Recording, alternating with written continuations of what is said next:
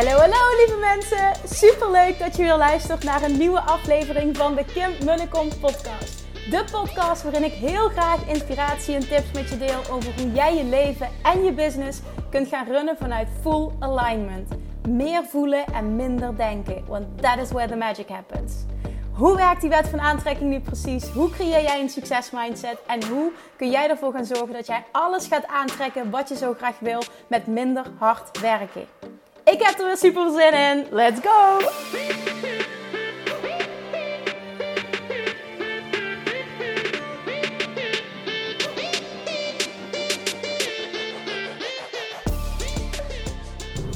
Good morning, Manifestation Junkies. Oh, welkom back bij weer een nieuwe aflevering van de Kim podcast. Ik heb vandaag een interview voor je. Ik heb het al wat geteased op, uh, op Instagram. En er kwamen heel veel reacties op van... Oh, wanneer komt het nou online? Ik heb namelijk uh, de founder van het Nederlandse podcastplatform Springcast mogen interviewen. Superleuk ook hoe dat tot stand is gekomen. Dat, dat vertel ik ook uh, in deze podcast. Um, Nico, laatst dat hij uh, sowieso, ik heb hem gevraagd naar zijn ondernemersreis, die heel inspirerend is. Dus ik denk dat je daar als ondernemer heel veel ondernemerslessen uit gaat halen. En daarnaast, als jij ook podcaster bent of als jij een eigen podcast eigenlijk heel graag wil starten, maar nog allemaal excuses hebt om het niet te doen, laat dit dan ook weer begin 2022 jouw schop onder je kont zijn. Die laatste, nou ja, leg maar echt dat, dat laatste zetje wat je nodig hebt om het te doen. Ik mag namelijk uh, met, Nico heeft een, een speciale code gekoppeld uh, aan mijn naam. En dat is de code Podcast Love. En dat is P-O-D-C-A-S-T. Gewoon podcast en dan L-O-V-E. Love. Allemaal kleine letters. Um, die kun je invoeren en dan mag je namelijk drie maanden gratis gebruik maken van uh, Springcast. Het podcastplatform en alles is super simpel. Um, om, om eens te gaan testen van is het wat voor mij. Ook als je al podcaster bent. Ik ben namelijk vorig jaar overgestapt op Springcast. Ik ben super, super, super tevreden. Ik ben ooit drie, vier jaar geleden zelfs in 2018 begonnen op Soundcloud. Ik wist niet beter tot ik erachter kwam dat het allemaal beperkingen had. En uh, toen ben ik op zoek gegaan naar iets anders. Ook dat vertel ik allemaal in mijn podcast. Maar ik ben echt oprecht, want anders zou ik dit niet delen, heel erg tevreden over uh, Springcast. De mogelijkheden die het biedt. En voor ik dit wist, ben ik, uh, heb ik de keuze gemaakt voor Springcast. En wat dit is, dat is echt een primeur die je krijgt in deze podcast. Het is echt super vet. Het is iets wat ik eigenlijk al meer dan een jaar wil, waar ik naar op zoek ben. En dit podcastplatform gaat dit aanbieden in het Nederlands. Jongens, echt briljanter kun je het niet hebben. Je wil echt weten wat dit is, maar ik ga het niet verklappen. Je moet hem echt luisteren. Dus ga lekker achterover zitten. Ga genieten van dit interview als ja, luister als ondernemer. Luister ook als mens. Ook als je geen ondernemer bent. Hier ga je echt lessen uithalen. En vervolgens ook als je wil gaan podcasten of je podcast al, hoop ik um, nou ja, dat je hier waarde uithaalt. En misschien wel dat je uh, zegt van nou laat ik het maar eens proberen. Ik kan het echt oprecht aanraden. Ik uh, heb het ook in de beschrijving gezet. Hoe je die code invoert is je gaat naar springcast.fm. En Springcast is S-P-R-I-N-G-C-A-S-T.fm. En dan kies je een van de pakketten. En zij, uh, ook dat vertelt Nico in de podcast. Ze komen met nieuwe pakketten uit heel binnenkort. Dus het ligt eraan wanneer dat je deze podcast luistert. Uh, of die nieuwe pakketten al zijn. Maar hij zegt, uh, je kunt daarna gewoon ook overstappen. Dus het gaat er nu om dat je dan een pakket kiest. En pas na drie maanden krijg je de vraag. Want je mag drie maanden gratis aan de slag. Pas na drie maanden krijg je de vraag: um, wil je het voortzetten? Het wordt ook niet, en dat vind ik ook heel mooi hoe ze dat hebben ingezet, is je wordt niet automatisch, um, uh, zit je ergens aan vast. Hè? Iets wat automatisch gaat lopen. Je krijgt letterlijk een mail met de vraag of je het wil voortzetten of je een bepaald abonnement wil starten. Abonnement van jouw keuze. En volgens mij is het goedkoopste abonnement al voor 5 euro per maand. Het gaat echt helemaal nergens over. Serieus, dit wil je luisteren. En, en, en nogmaals, als podcaster wil je dit gewoon. Ik heb vooral voor hen gekozen uh, voor het gemak en voor de enorme goede en snelle klantenservice. Dat vind ik een hele belangrijke. Mijn podcast is mijn nummer één platform uh, op het gebied van, van waarde delen en klanten aantrekken. Dus dit is voor mij heel belangrijk. Dus neem van mij aan dat ik echt wel mijn research heb gedaan. Oké, ik ga nu mijn mond houden. Ga lekker luisteren. Ik hoop echt dat je er heel veel aan hebt. En wat ik net zei, de springcast.fm. Kies een van de pakketten en vul dan de code podcast love in. En dan profiteer je dus van drie maanden eh, gratis dit uitproberen. Alright, have fun. Bye bye.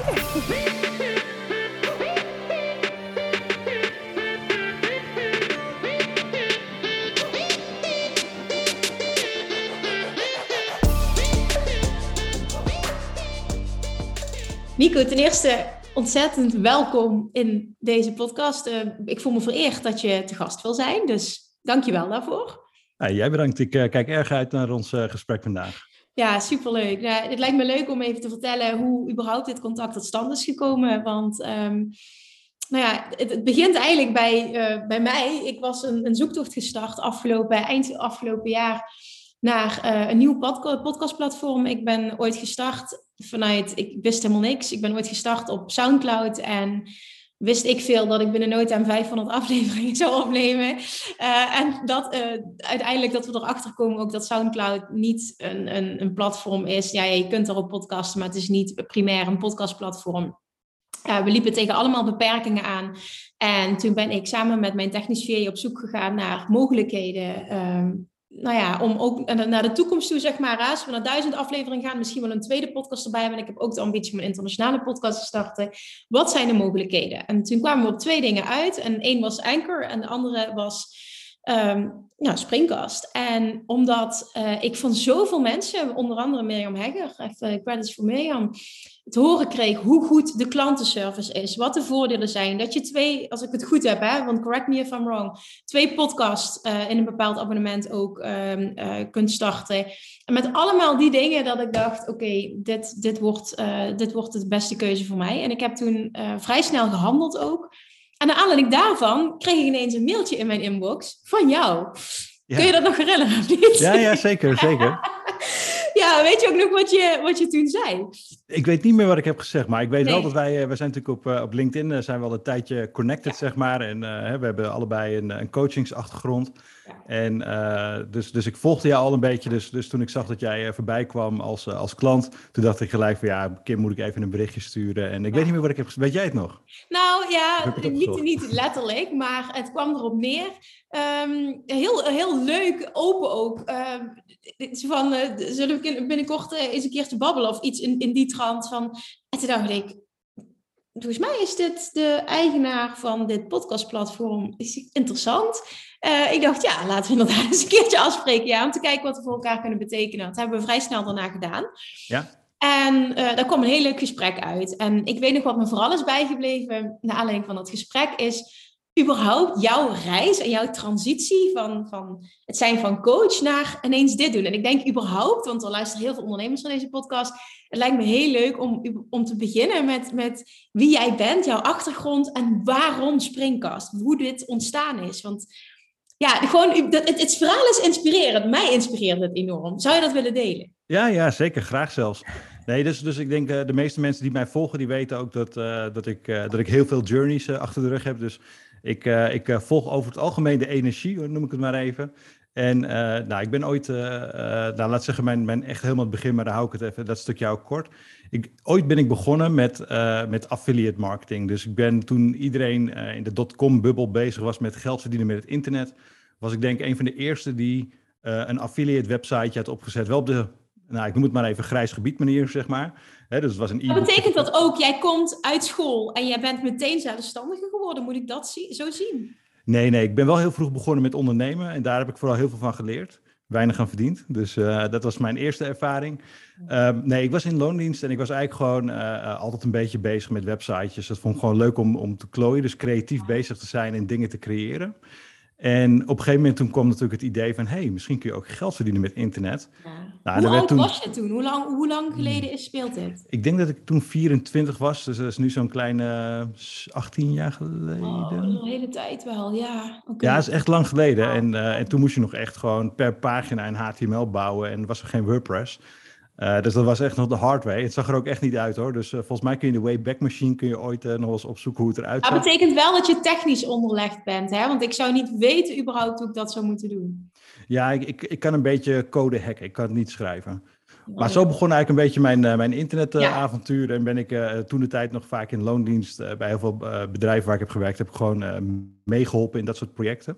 Ja. En nou, uiteindelijk in 2010 ben ik, ben ik echt ondernemer weer opnieuw geworden.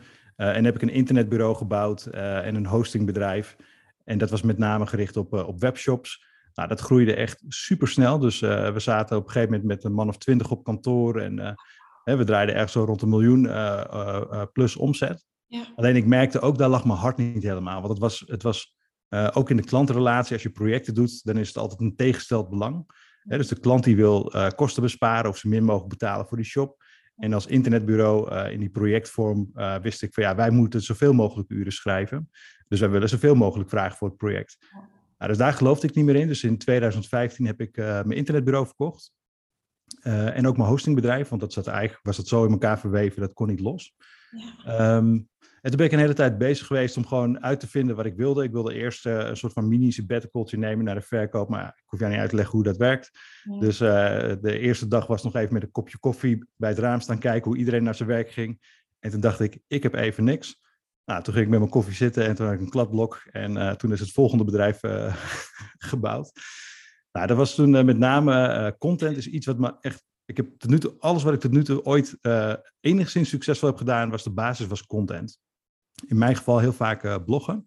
Um, en wat ik toen op een gegeven moment ben gaan doen na de verkoop van mijn internetbureau was bedrijven helpen hoe je met content marketing een funnel kan opbouwen. Dus niet zomaar random gaan bloggen, maar hoe ga je met, met blogs en content awareness creëren om iemand zover te krijgen dat hij je product, dienst of iets dergelijks afneemt? Nou, was superleuk. En voordat ik het wist, had ik weer een bureau. Dus... Ja, super. Daar hadden wij het de vorige keer over. Super interessant, hè? Omdat ik toen vertelde dat ik daar heel veel stress van kreeg. Juist helemaal de andere kant op ben gegaan. Zei jij van, oh wat grappig, daar kom ik juist vandaan. En, en, ja, ja, en dat, maar dat vind ik zo interessant, want die twee werelden kunnen perfect naast elkaar bestaan. En ook ja, samen gaan in principe. Ja, zeker. Ja, dus, dus uiteindelijk had ik weer een internetbureau uh, en ik had, uh, ik had alweer wat uh, mensen die, die voor me werkten. En op een gegeven moment dacht ik van ja, ik ben gewoon weer hetzelfde bureau aan het bouwen en ik wilde juist wat anders. Maar naar de maar conclusie is wel, je, tenminste die conclusie kun je trekken. Het, het, het, was wel ondertussen zo dat wat jij aanraakte, dat, dat deed je natuurlijk, daar werkte je keihard voor, maar dat veranderde wel in goud continu. Het lukte steeds. Zeker, zeker. Kijk, je hebt natuurlijk allerlei verschillende uh, uh, niveaus van succes, zeg maar. En, ja. maar wat je wel ziet is dat, kijk, voor mij is succes misschien iets anders voor als iemand anders. Mm. maar bij mij is, is, fun is een hele belangrijke factor, zeg maar. Dus fun en avontuur, die twee zoek ik eigenlijk altijd een beetje in het, in het werk. Ja. En ik merkte wel dat ja, zo'n zo'n tweede bureau was eigenlijk qua omzet misschien de helft van mijn eerste bureau. Maar het verdienmodel gaf meer rust. De klanten waarvoor ik werkte waren leuker. Um, hè, dus dus ik merk, de projecten waren ook leuker. Dus uiteindelijk was dat een beter succes dan het bureau wat uiteindelijk... Heel mooi wel dat je dit aangeeft. Want um, dat is vaak wel mensen zich op blind staren. Hè? Dat ze misschien uit jouw eerste verhaal enkel onthouden... ik draaide een miljoen plus... -hmm. um, daarin niet, uh, dat is vaak ook waar wij als ondernemers niet op focussen, daar de nadruk op leggen. Uh, 20 man personeel brengt ook best een hoge kostenpost met zich mee.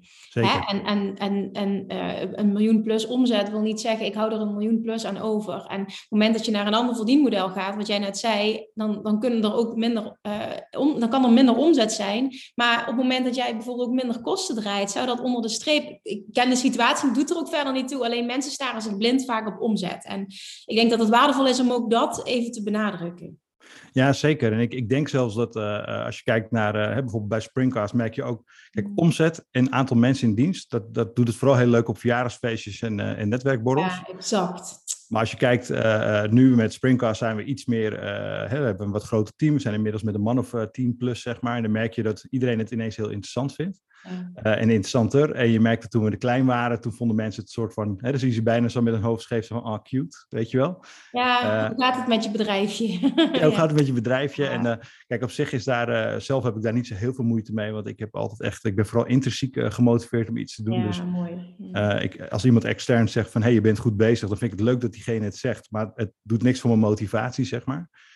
Maar het is, het is een hele, ehm, het is hele, inderdaad, uh, wat jij zegt, uh, met het internetbureau was het natuurlijk heel moeilijk om winstgevend te krijgen. Want ja, omzet omhoog, kosten omhoog. Uh, tweede bureau was beter qua winstgevendheid, maar nog steeds kosten verbonden aan omzet, maar dan in een gezondere verhouding. Ja. En wat je natuurlijk als coach had een iets schaalbaarder model met een, een koststructuur die redelijk gelijk bleef. Ja. Dus dat was eigenlijk heel positief. Dus dat was eigenlijk het meest winstgevende model. Maar echt super tof. alle coaches out there, zeg maar, dit is gewoon echt, uh, zeker als je één op één coaching doet, is echt mega zwaar elke dag. Uh, je creativiteit uh, helemaal uitputten om iemand te helpen. Um, en daar, daar is eigenlijk ook voor mij, zeg maar, toen ik begon met coachen, dat was de transitie vanuit content marketing, was ik deelde heel veel kennis gewoon als een soort van funding op mijn blog over ondernemerschap. Ja. En ik werd steeds vaker gevraagd: joh, zou je ons niet willen begeleiden uh, om een stapje te maken met ons internetbureau of een freelancer die van freelance naar een bureau wilde? En ja, echt op een gegeven moment dacht ik: Weet je, ik, ga, ik stop met dat marketingbureau, ik ga dit gewoon doen. En uh, dat was echt, ik dacht niet dat ik het spannend vond, want ja, marketing is wel een soort van mijn ding. Toen heb ik al mijn klanten opgebeld. Ik zeg: Nou, ik stop met marketing, uh, want ik vind het niet meer leuk. Ik denk, kan ik niet meer terug. En toen dacht ik, ik ga op LinkedIn zetten dat ik coach ben. En toen dacht ik eerst, dat komt wel goed. En ik heb een spanning gehad, achteraf blijkt. Ik moet zeggen, het kwam gelukkig goed. Ik had uh, gelijk 76 eh, aanvragen. En uh, in het begin dacht ik van, het komt wel goed, dus volgens verwachting. Maar echt de volgende dag toen ze eindelijk binnenkwamen, toen had ik echt, er viel een last van mijn schouders af. En eigenlijk is vanaf dat moment een soort van nieuwe red race ontstaan. En dat was coachen. Ik denk dat ik in totaal zo'n zo'n 500 ondernemers heb gecoacht, één op één. Allemaal één op één? Allemaal één op één. Oh ja. Dus het was echt, ik denk, vier jaar lang uh, drie, vier afspraken per dag, uh, vijf dagen per week. En, ja, ja. ja, en ik, ik, weet, ik weet het, twee jaar geleden dacht ik ineens van ja, weet je, ik zit iedereen te vertellen hoe gaaf het is om te ondernemen, maar eigenlijk ben ik gewoon een soort van tandarts geworden die, ja, mensen komen naar mijn praktijk, ik zit daar met mijn broodtrommeltje. Nou, dat was, is precies mijn verhaal. Ik herken dit zo wat je zegt. En dat is in het begin heel erg leuk, maar na verloop van tijd Ehm, ja, ontwikkel jij je ook als mens. Je verandert als mens, je verlangens veranderen. En uiteindelijk mis je je vrijheid, denk ik. Ja, ja en, en, en bij mij was het heel specifiek, omdat ik natuurlijk echt in die, uh, die business coaching heb, dus waren vaak strategische vraagstukken. Ik merkte echt dat ik gewoon weer iets wilde creëren, zeg maar. Gewoon iets maken, dat het gewoon nog kleinschalig is, dat het eerst stuk gaat, weet, dat het niet zoveel uitmaakt dat het stuk is gegaan. die eerste fase, die, daar verlangde ik weer eigenlijk naar terug op een gegeven moment. En toen heb ik gezegd, weet je, ik, ik ga één dag in de week vrijmaken om gewoon te klooien en met projectjes gewoon, uh, let's see what happens. En nou, er zijn er denk ik een stuk of vijf of zes zijn er geflopt. Sommige al bij de, in de ideefase. Ook goed dat je dit even deelt, ja. Want dat is wel trial and error, hè? dat is letterlijk. Je bent daar een voorbeeld van. Ja, echt. Kijk, ik denk dat ook als je, als je kijkt, uh, maar daar komen we straks nog wel op. Maar ik denk als je gewoon kijkt naar, ook naar Springcast of alles wat ik, uh, waar ik enig succes heb behaald. Ja. Dat, dat is eigenlijk, ik noem het altijd, hè, dat is volgens mij ook een uitspraak, maar vooruitvallen, zeg maar. Ja. Hè, dus ik begin gewoon met iets en dat lijkt niet te werken. En dan probeer ik iets nieuws en dan, dat werkt voor de helft, maar dan heb ik toch weer een helft beter. Ja, maar je zit wel in die actiemodus en heel veel mensen blijven in hun hoofd zitten om alles perfect uit te denken. Maar ik roep heel vaak action brings clarity, maar dat is ook echt zo. Want door te doen ga je ervaren wat wel en niet werkt, maar ook wat wel en niet bij je past. Ja, maar dat is leuk. Want dat ga ik zo meteen. Help me herinneren dat ik hierop terugkom. Want dat is echt een heel mooi onderdeel ook van het verhaal van, uh, van Springcast. Ehm, dus daar kom ik zo op terug. Nou, in, in, ieder geval, uh, dus laat zeggen, project nummer 6 was voor mij um, uh, een podcast starten. En dat was eigenlijk gewoon bedoeld omdat ik dacht van, nou, weet je, ik, ik zit in een soort van bubbel van ja, like-minded people. Maar ik wil ook buiten die bubbel komen. Dus de enige manier die ik kon bedenken op dat moment was of video. Nou, dat past mij helemaal niet. Ik ben echt heel slecht op video. Je weet dat ik dit opneem, hè? Ook op video. ik weet dat je dit opneemt. Ja, op video. Maar dit, een interviewstijl kan wel. Maar je hebt ook uh, mensen die uh, kunnen presenteren voor een camera. Dat bedoel ik eigenlijk met video. Um, en dus ik dacht, weet je, ik wil gewoon een uur lang met iemand kunnen kletsen over één of twee grote onderwerpen. Want die diepgang, die mis je natuurlijk in het nou ja, snelle dagelijkse leven ja. van tegenwoordig. Ja. En een podcast leek me een heel goed excuus om dat te mogen doen met bijzondere mensen. Nou, toen kwam ik er heel snel achter van ja, een podcast kan je niet uh, in, een, uh, in een mp3'tje mailen naar uh, Spotify. Je moet echt een, een podcast host nodig hebben. Nou, en toen kwam ik uiteindelijk erachter dat er alleen maar Amerikaanse hosts waren. En toen dacht ik van ja, ik heb ooit een hostingbedrijf gehad. ik zocht naar een nieuw project. En zo kwamen er een aantal dingen samen. En heb ik nou ja, geïnvesteerd in een aantal mensen die dit voor me hebben gebouwd. Um, en zijn we begonnen. Wauw.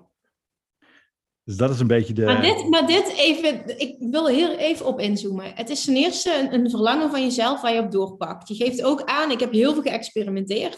Hè, en, en, door verschillende dingen te doen ben ik erachter gekomen wat het uiteindelijk mag zijn. Vervolgens maak jij de keuze om, voordat je weet of het succesvol gaat zijn, nou, natuurlijk heb je jij voelt het wel aan en je hebt genoeg ervaring, maar toch, voor je die zekerheid had, voor je zoveel klanten had, heb jij de keuze gemaakt, ik investeer hierin, ik laat dit bouwen. Dat betekent dus upfront dat je kosten hebt gemaakt. Mhm. En dat heb je ook vanuit een bepaald vertrouwen gedaan, maar je hebt het wel gedaan. Precies. Ja, maar dat zegt heel veel over jou als persoon. Ja. En daar staan mensen niet bij stil. Van, oh, dit is weer gelukt. Ja, ja, had, hij had zoveel ervaring. Nee, je hebt ook bepaalde risico's genomen. Ja, ja, risico en, en inderdaad uh, beginnen zijn denk ik de twee, twee belangrijkste voor uh, beginnende ondernemers. Kijk, en wat je heel veel ziet is natuurlijk, kijk, als je stopt met een baan en direct vanuit die baan in een onderneming wil gaan rollen of als freelancer, kijk, dan, dan, dan hangt er ook heel veel vanaf. Ja. dus dan, dan is het druk, dan is er een tijdlijn waarin het moet gebeuren. Kijk, en wat ik, wat ik merk, zeg maar, is dat um, heel veel mensen komen ook bij mij van, nou, ik, ik uh, heel succesvolle ondernemers die eigenlijk hetzelfde hebben als ik, hè, uh, gehad in ieder geval toen. Van, nou, ik zoek eigenlijk een soort van nieuwe passie, want het draait stabiel of ik wil een, een nieuw pad inslaan. Ja. En um, dan zeggen ze, ja, maar alles wat ik bedenk, dat bestaat al. Of, en ik zeg, weet je, pak gewoon letterlijk iets, al verkoop je koffiepoeder via een website. Hmm. De eerste stap is gewoon beginnen. En vanuit daaruit, als je die eerste transactie hebt, die tweede, de derde, dan gaat een klant op een gegeven moment zeggen van, joh, heb je het ook in een uh, andere verpakking of uh, hebben jullie ook een duur? En op een gegeven moment ontstaan die ideeën. En zo begon Springcast dus ook. Uh, het eerste wat ik zag was, er is geen partij in Nederland. Nou, ik weet, sommige mensen vinden het fijn om gewoon support te hebben in hun eigen taal en hun eigen tijdzone. Toen ben ik begonnen en toen zag ik van, hé, hey, er is ook een privacy aspect. Toen zei ik van, nou ja, weet je, dan doen we alle data in, in, in Nederland opslaan in plaats van uh, bij Amazon of bij Apple of, of nou, vooral Google en, uh, en, uh, en Microsoft. Ja. Nou, toen kregen we ineens overheden als klant. Kijk, en toen dacht ik op een gegeven moment, van, ja, ik zie ook nog wel een gat bij de, hè, de, de zelfstandigen, de, de coaches, de, de solopreneurs, hè, want die zijn bezig met branding. Dus het moet goed brandbaar zijn en die werken met call to actions. En toen dacht ik, weet je, dat zou gaaf zijn als je een call to action kan toevoegen aan een podcast. En eigenlijk zie je gewoon, ik begon met iets heel plats, hosting. En uiteindelijk door feedback en, en te praten met klanten zoals jij en, en heel veel anderen, ontdek je dan van, oh, de, je kunt een, unieke positie uh, ontwikkelen op basis van de feedback van je klanten. Ja, ja, super waardevol. Dat is het. En dan uh, is dat ook wat je wilde toevoegen aan Action Brings Clarity. Wat je ja, net. Zeker. Ja, ja. Ja, ik denk dat een perfect voorbeeld daarvan is. En dat, dat is iets wat, wat dat weet jij als business coach ook. Jouw klanten vertellen je precies wat ze nodig hebben. Of je potentiële klanten, je volgers of wat dan ook. Als je een podcast start, ga je ook na verloop van tijd feedback krijgen. En heel veel ondernemers denken, ik moet eerst alles helder hebben. En dan, maar het is juist andersom. Het is start. En ja, ook zo'n standaard uitspraak, hè? start before you're ready. Maar het, het is wel zo. Ja, ja, en wat ik, wat ik ook nog heel vaak uh, een, een ding wat heel veel mensen tegenhoudt, is de, net als met perfectionisme, mm. is dat heel veel mensen denken dat je uh, moet uitleg kunnen uitleggen waarom je uniek bent. Ja. En dat is zo op een bepaald moment. Ik bedoel, er zijn heel veel winkels en webshops die helemaal niet uniek zijn. Ja. Gewoon één op één copycats die wel miljoenen omzet draaien. Ja. Dus je moet gewoon beginnen als een copycat, dan heb je een soort van fundament. En dat fundament, als je eenmaal draait, kun je zeggen, nou, nu heb ik de tijd en ruimte om te kijken, hoe ga ik dit uniek maken? Ja, ja. maar dan leer je jezelf ook steeds beter kennen. En, en uh, je, je ziet ook van, oké, wat maakt mij dan uniek? Wat maakt mij anders? Wat, wat krijg ik als feedback? En dit kan niet anders ontstaan dan vanuit feedback van je ideale klant uiteindelijk. En dat is ook iets, hè, mijn waarheid dan, je ideale klant, die ontstaat die ontstaat organisch door te doen. Het is niet, ik start een bedrijf, ik, ik kom uit loondienst, ik maak die keuze, ik ga bedenken wie mijn ideale klant is. Je hebt ervaring nodig om dat te doen. Ja. En, en dat is zo belangrijk, denk ik, om dit te benadrukken. Ik vind jou daarin zo'n voorbeeld ook, dat het niet begint met alles, alles vanuit je hoofd. Jij bent ook iemand, ga maar doen, ga maar experimenteren, ga maar ervaren. En vanuit daar krijg ik mijn helderheid wel. Ja, nou, het grappige is, toen ik jong was, uh, in, mijn familie werd ik ook wel eens de geldwolf uh, genoemd. Niet, niet omdat ik geld wil hebben, maar ik, ik vind het, het, spel geld verdienen vind ik echt heel leuk, zeg maar. Dus... Ja, maar dat is ook een eigenschap, denk ik, als ondernemer, uh, die ja. positief is. Ik vind dat helemaal niks negatiefs. Nee, nee, zeker niet. En, vroeger met kaarten noemde mijn opa me al vroeger de geldwolf, omdat ik echt heel graag wilde winnen en hij ook. Dus, maar Maar wat ik, wat ik, ik denk dat als je kijkt, dus vroeger wilde ik heel graag rijk worden. Toen ik echt heel jong was. Toen was ik echt, werd ik van 16 tot en met 19 een beetje die, die periode waarin je nog geen influencers had, maar waarin je wel al bezig was van, je ziet mensen in de media heel snel rijk worden en ik wil dat ook. Nou, wat ik, wat ik, ik denk dat het meest destructieve wat ik ooit zeg maar, als mindset heb gehad is, je moet een gat in de markt hebben dus dat je op zoek bent naar iets wat nog niet bestaat. Want als er iets is wat, wat je in de businesswereld gaat leren, is als het nog niet bestaat, is dat je enorme budgetten en campagnes nodig hebt om mensen te laten zien dat het iets is wat ze nodig hebben. En die heb je niet. Dus begin met iets wat je, begin gewoon met iets wat je kent en wat de mensen al kennen. En vanuit daaruit kun je misschien een gat ontdekken waarvan je denkt, hé, hey, hier is niemand ingesprongen. Eigenlijk wat we met Springcast hebben. Ja, ja heel waardevol. Plus het is ook ehm, ja, ontstaan vanuit iets wat je zelf miste. Hè? Dus, dus je bent begonnen met, met, lijkt me leuk om, om die content te delen. Volgens mij is dat wat je net zei. En dan kan je ja. aan de diepte ingaan. Oh, ik kom tot de conclusie, er is niet veel in Nederland. Misschien is er wel wat, maar het, is niet, het voldoet niet aan een bepaalde standaard. Oké, eens kijken hoe ver ik kom. Maar dan moet je wel een persoon zijn die zich daarin gaat verdiepen. En die zegt, oké, ik ga daarin investeren, want ik kan niet alles alleen. Ja. En dat zijn wel bepaalde kwaliteiten van jou als persoon. Ik geloof dat iedereen die kan ontwikkelen, maar die wel jou typeren en die denk ik ook noodzakelijk zijn voor dit succes. Ja, en wat je, ik denk wat veel mensen hebben weggestopt, en dat is natuurlijk iets wat uh, vanuit school vroeger en, en soms nog steeds wel uh, gebeurt, is de nieuwsgierigheid wordt op een gegeven moment wat afgekapt. Hè, ik merk het ook bij mijn zoontje, die stelt soms zoveel vragen achter elkaar dat ik echt denk, kerel, hou even je kop. Uh, en tegelijkertijd zeg ik het niet, omdat ik ook weet hoe irritant het ook is. Dat leert hem om nieuwsgierig te zijn. En ik heb daar zelf ook, zelfs als coach, merkte ik op een gegeven moment dat je nieuwsgierigheid afvlakt omdat je alleen maar antwoorden geeft. Ja. Waardoor je eigenlijk zelf minder vragen stelt. En ja, daar ontstond juist weer bij mij de nieuwsgierigheid om op zoek te gaan naar een soort van verwondering. Maakt niet uit wat het was. Of het nou gaat over het universum, gezondheid, eh, geld verdienen, marketing, maakt niet uit. Maar gewoon weer nieuwe dingen ontdekken. Ja, het mooie is ook tijdens ons gesprek de vorige keer dat um, ik die woorden niet uitsprak.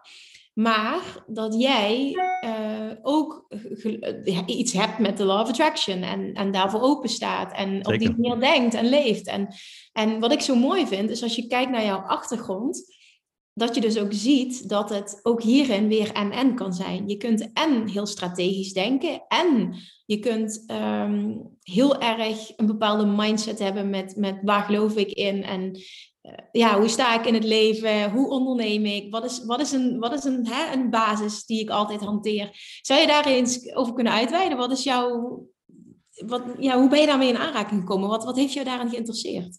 Ja, kijk, uiteindelijk uh, de Law of Attraction, uh, die documentaire, of de Secret documentaire, die, die, natuurlijk uh, als coach werd mij heel, heb ik je vorig jaar ook verteld, werd mij heel voorzichtig wel eens gevraagd van The Secret, ken je dat? En dan keken ze me altijd een beetje vragend aan van, wat vind je daarvan? Ja. En, en, meestal bleef ik vrij neutraal tot het zelf antwoord gaven en dan ja. vertelde ik dat ik er heel enthousiast over was. Het is natuurlijk een heel Amerikaans format, um, wat ook nog wel wat toelichting behoeft, maar ik ben echt een, een, een enorme fan daarvan, omdat... Uh, ik geloof dat er zit een spiritueel stukje aan. Hè? En dat is het stuk wat heel veel mensen niet kunnen geloven, durven geloven of willen geloven. Maar er zit ook een heel pragmatisch deel aan, wat, wat eigenlijk juist uh, volgens mij heel goed juist past bij uh, topperformers als, als sporters en ondernemers. En dat is gewoon visualiseren wat je wil bereiken. En als je de eindstip weet, kun je gewoon veel beter beslissingen nemen. Kijk, dus toen ik coach werd, wist ik één ding zeker. Ik wil niet uh, stranden op uh, een, een, omzet van 30.000 euro uh, per jaar. Dus ik wist ook, ik kan niet een sessie aanbieden voor 50 euro. Dus, en de eerste keer dat je dat gaat vragen om, om heel veel geld voor een sessie, ja. hè, dan, dan voel je natuurlijk wel de spanning, maar je weet, het kan niet anders. Ja. Want ik heb bepaalde doelen, ik wil mensen helpen, maar ik wil ook mijn eigen doelen behalen. Ja, dit is dus echt top dat je dit zegt. Ja. Kijk, en als je de eindstip weet, en kan visualiseren. En dan, dan noemen ze backwards engineering. Dat zijn van die abstracte concepten. Maar eigenlijk doe ik er niks mee, behalve dat ik een beslissing neem en dan toets ik hem aan wat ik altijd visualiseer. Ja. Ja. En dan denk ik. Iets wat jij, is dat iets wat jij nu nog bewust doet? Of is dit zo ingeslepen in, in, in wie jij bent als persoon dat het natuurlijk gaat, automatisch gaat? Nee, ik, ik, doe, ik heb een aantal dingen die ik, die ik nog steeds elke dag doe. Dus ik heb affirmations hè, over uh, wie ik wil zijn. Hè, die helpen me ook om een soort van eigen kompas uh, te hebben over hoe ik kijk naar uh, voeding, omgaan met mensen, mijn doelen zakelijk gezien. Ja. En die heb ik ingesproken op mijn, gewoon mijn voice recorder op mijn iPhone. En elke ochtend stap ik in de auto en dan speel ik ze af als ik alleen ben. Maar bijna altijd is dat. dat is er eentje, om gewoon mezelf te primen op. Hè, ik, ik vind mezelf altijd positief, optimistisch, enthousiast. En dat vind ik belangrijk dat ik daar elke dag mee begin. Ja. Dus ik, ik, herhaal dat eigenlijk op een audiobestandje elke dag voor mezelf. Van Nico, weet je, dit is wie je bent, dit is wie je vandaag gaat zijn. Uh, en dat doe ik nog steeds elke dag. En ik heb inderdaad gewoon een notitie in mijn notitietoeltje, waar ik gewoon ook uh, geschreven doelen heb, maar ook hoe het eruit ziet. Om mezelf inderdaad gewoon te primen op de beslissingen die ik, nou ja, soms dagelijks maak, maar sommige ook hele grote. waar ik dan even daarnaar kijk en denk, hoe gaat dit bijdragen aan dat eindplaatje? Ja, en is een eindplaatje, is dat iets wat jij, um, uh, wat je aan het begin van het jaar, wat je, wat je creëert voor jezelf? Of hoe ziet dat eruit? Want ik kan me voorstellen dat je doelen ook bijstelt, of dat doelen groter worden. Of dat jij jij bepaalde ervaringen hebt en dat je dingen ineens anders ziet. Ja, een, een van de dingen die, een kleine best practice die, die daar voor mij uit is gekomen, is van uh, maak het niet te concreet. Dus uh, als je bijvoorbeeld zegt van nou, ik wil, ik noem maar wat, met Springcast een bepaalde omzet draaien Hè, dan zet je je pad vast. En je pad vastzetten is geen goed idee, want dan blijf je misschien vast aan houden aan iets wat uiteindelijk bijvoorbeeld niet meer past. Hè, zoals ik met mijn internetbureau heb gehad. Ja. Dus mijn doelen zijn heel abstract in de zin van uh, dat ik zeg van ja, ik wil uh, tijd doorbrengen in de natuur. Hè, ik heb een soort van einddoel en dat is gewoon, ik ga zeker niet werken tot mijn zeventigste. Waarschijnlijk ga ik het wel doen, maar niet omdat het moet. Ja. Uh, ik heb heel veel tijd met mijn gezin. Ik wil buiten zijn, veel vakantie hebben met mijn gezin. En zo heb ik een aantal van dat soort dingen waarvan ik weet, nou, Daarvan weet ik 100% zeker dat het altijd belangrijk voor me zal zijn, net als mijn gezondheid. Maar ik maak het niet concreet. Dus als ik zeg van ja, ik wil een sixpack, ja, dat is leuk als je 24 eh, bent. Hè, maar als je 40, ja, misschien als je 40 bent kan het ook nog. Maar dat is niet meer mijn ambitie. Het is gewoon, hè, je wil gewoon fit en gezond zijn. En uh, weet je, je wil er gewoon uh, oké uitzien. Maar hè, ik hoef niet meer te shine op het strand in, in mijn gele speedo, om het zo maar even te zeggen. Krijgen mensen meteen een beeld bij nu? ja, daarom. Daarom noem ik hem ook. Vooral met de gele speedo, ja. Oh, heerlijk. Maar betekent dat ook dan dat je nu geen omzetdoelen meer voor jezelf stelt? Want die vraag krijg ik heel vaak. Van, van hoe doe je dat? Hoe doen ondernemers dat? Wat werkt, wat werkt niet? Een stuk voor iedereen anders, maar... Nou, daar, daar moet je dus even onderscheid maken tussen zakelijke doelen en persoonlijke doelen. Dus, dus qua persoonlijke doelen heb ik vooral inderdaad, uh, dan gaat het over abstracte dingen als welvarend zijn, geen geld zorgen, dat soort uh, termen. Uh, als je kijkt naar zakelijke doelen, dan werk ik vaak wel met doel, omzetdoelen. Ja. omdat je op basis van die omzetdoelen kunt beredeneren van hè, wanneer is het een gezond bedrijf, welke mensen kunnen we aannemen enzovoorts. Exact, ja. Ja, oké. Nee, helder. Oké. En dat betekent dus ook als je zegt van, als je het nog hebt over die doelen, persoonlijk, welvarend, geen geld zorgen. Um, is daar, zit daar dan een bepaald gevoel voor jou aan gekoppeld? Uh, waar jij op kan intunen zonder dat ik het te zweverig wil maken. En wat ik, waarom ik die vraag stel is dat veel vaak terugkrijg dat mensen het nodig hebben. Want ik vraag dan concreet, oké, en, en hoe ziet dat er voor jou uit, geen geldzorgen hebben? Hè? Omdat het vaak een te abstract plaatje blijft. Als je het hebt op de of Attraction, is het erg lastig om daar dan echt op in te tunen. Omdat het hele mooie woorden zijn, maar woorden enkel, wij woorden alleen doen heel weinig. Ja, zeker. Ik heb daar een. Uh, kijk, uh, wat voor mij. Uh, ik vertelde al helemaal in het begin. Ik heb ooit een, een bedrijf gehad toen ik 19 was. Dat ging niet goed. Mm. en, en na die periode, hè, eigenlijk nadat het niet goed ging, zeg maar, heb ik heel veel financiële zorgen gehad. In de zin van hè, dat ik op een gegeven moment. ik, kon, ik heb letterlijk een keer een moment in het tankstation gehad. dat ik geen saldo had om 1,80 euro af te rekenen. Oh. Hè, dus dat je Kijk, en ik, heel vaak ga ik terug naar dat gevoel, omdat het toen ook nog eens, het liep op het werk niet goed, het bedrijf ging niet goed, de relatie ging niet goed. Dus op alle domeinen ging het op een gegeven moment niet goed. Ik was te zwaar, ongezond. En eigenlijk wat je dan eigenlijk nodig hebt, is gewoon even een break. Dat je even een paar weken of een paar maanden rust kan nemen, zonder dat je gelijk bang bent dat je financieel... En dat gevoel is me altijd bijgebleven. Dat op het moment dat je op een punt komt dat je rust nodig hebt, dat je ook financieel genoeg rust hebt om te kunnen zeggen, weet je, ik pak heel even twee, drie maanden een soort van noodstop om aan mezelf te werken of te, uh, bij te komen. Ja. En, en dat is eigenlijk misschien wel de, de enige reden waarom ik geld wil hebben. Want ik hecht geen waarde aan, aan spullen. Ik, vind, ik hou van mooie spullen, maar als ik het kwijt ben, interesseert me echt helemaal niks.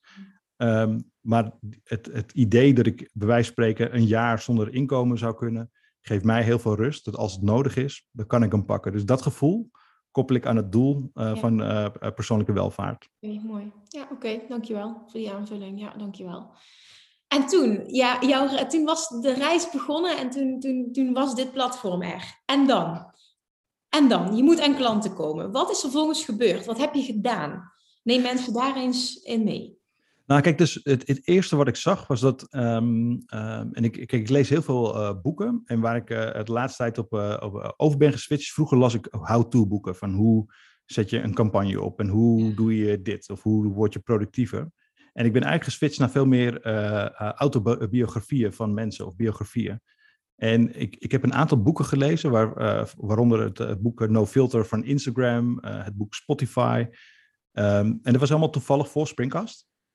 En Noem ehm, die nog een keer, no filter. No Filter, dat is het, eh, de, de founding story van, eh, van Instagram. Oké. Het boek van eh, Spotify. En ehm eh, Shoe Dog van Nike was ook een Ja. heel mooi, echt fantastisch boek. Ja, oké. Ja. En met name die, die eerste twee, dus No Filter en, en Spotify. ja. Ehm, daar, het- wat ik daarin terugzag was, en wat heel herkenbaar is ook voor, voor Springcast, is het community gedeelte. Hè, dus Instagram had letterlijk gewoon eh, overal op de wereld gewoon kleine meetups van fanatieke Instagram app gebruikers die met elkaar bij elkaar kwamen om de mooiste plekjes met elkaar te delen. Nou, en met Spotify was het muziekliefhebbers en toen dacht ik podcast. En ik zag meteen toen we begonnen i- met het platform, ja, al die podcasters die kletsen met elkaar. Ze delen best practices, ze komen bij elkaar in de shows. En, eh, dus ik dacht, weet je, die community wordt een, gaat een hele belangrijke rol spelen. Dus dat is het eerste wat we hebben gedaan.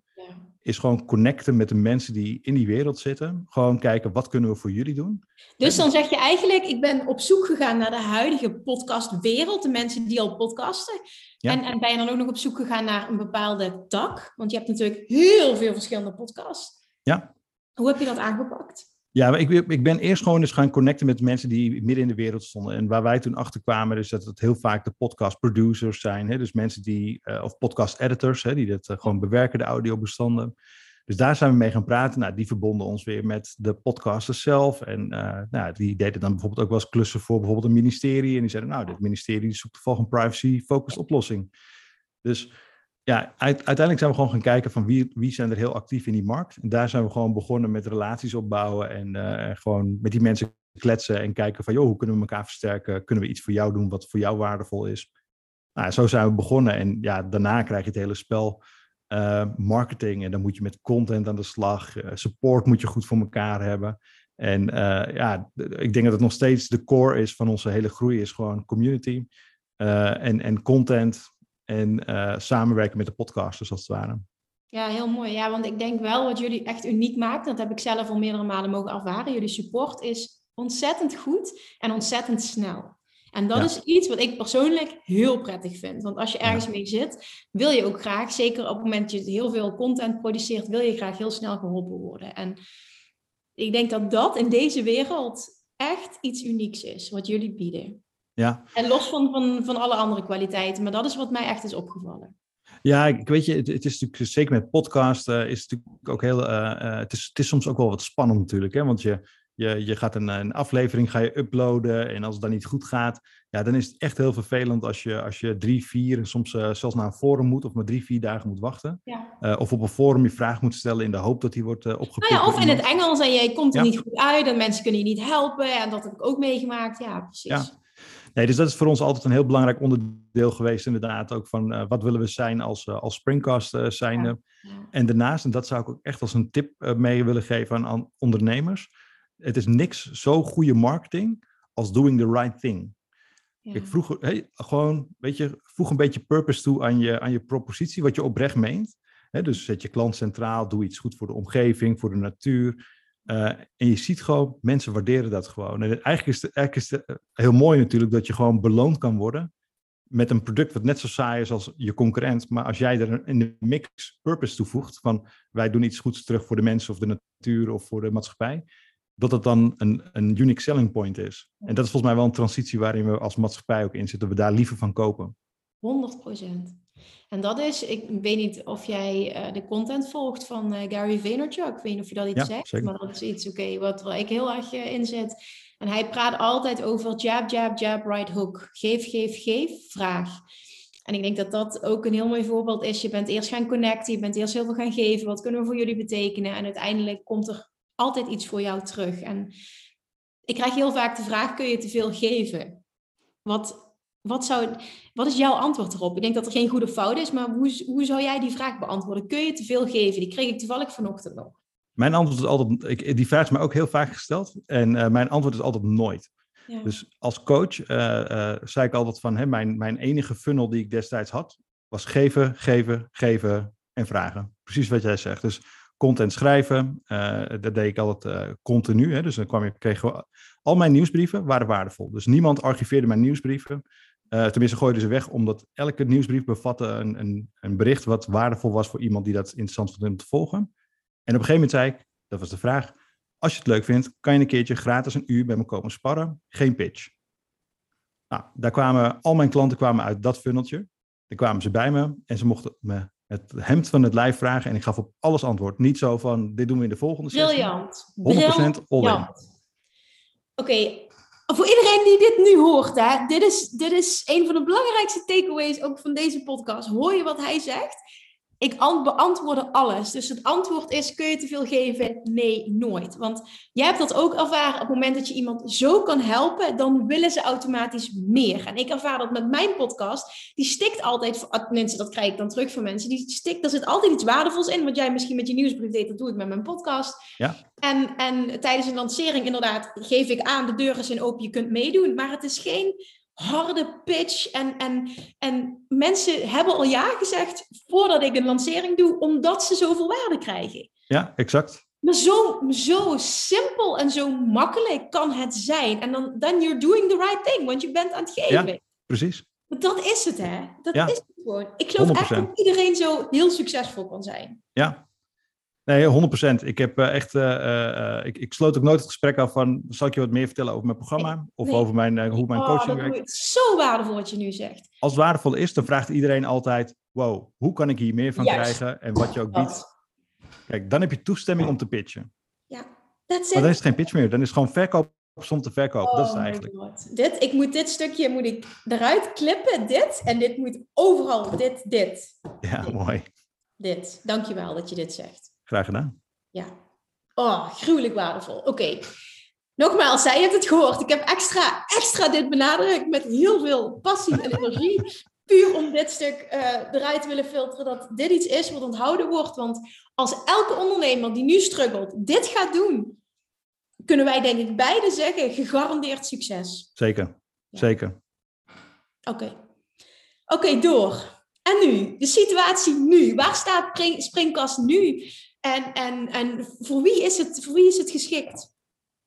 Ja, dus, uh, dus uh, nou, het leuke is natuurlijk, we hebben natuurlijk al het, het klein stukje hiervoor gehad. Hè? Dus, dus in het begin was het vooral heel erg gefocust op, op privacy, goede support. Ja. Uh, en leverden we eigenlijk een product wat gewoon gelijkwaardig was aan veel van de Amerikaanse concurrenten, alleen dan privacy en nou, support. Ja. En kijk, we, hebben, we weten nu heel goed wie onze doelgroep is. Dus eigenlijk wat wij weten is dat onze klant uh, uh, we hebben natuurlijk wel uh, de Babbel podcast hebben we ook. Hè, dus gewoon mensen die het leuk vinden om te praten over de laatste aflevering van Formule 1 of voetbal of iets dergelijks. Maar onze hoofddoelgroep, dat zijn allemaal ondernemers die, of podcasters, hè, ik moet eigenlijk zeggen organisaties of ZZP'ers of solopreneurs. Ja, ja. En bijna allemaal hebben ze met elkaar gemeen dat de podcast een onderdeel is van hun branding, ja. een community of een verdienmodel. Ja. En dat is precies waar wij ons product voor ontwikkelen. Branding, community of verdienmodel? Ja. Zou je dat nog even kunnen toelichten? Hoe zie jij precies die drie dingen en het verschil daartussen?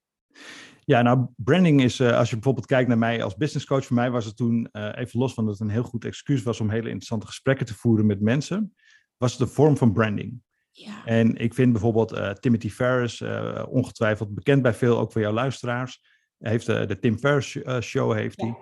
En die jongen die heeft zo ongelooflijk veel autoriteit. Terwijl het enige wat hij doet, is vragen stellen. Ja. Dat is natuurlijk fantastisch. Er is niks beters dan content creëren waarbij je dus...